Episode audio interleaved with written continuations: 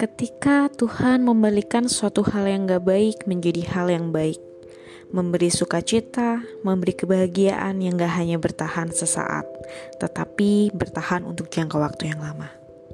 Be good, karena Tuhan selalu good dalam hidup kita dan dalam setiap musim hidup kita. He's always good and let's be good.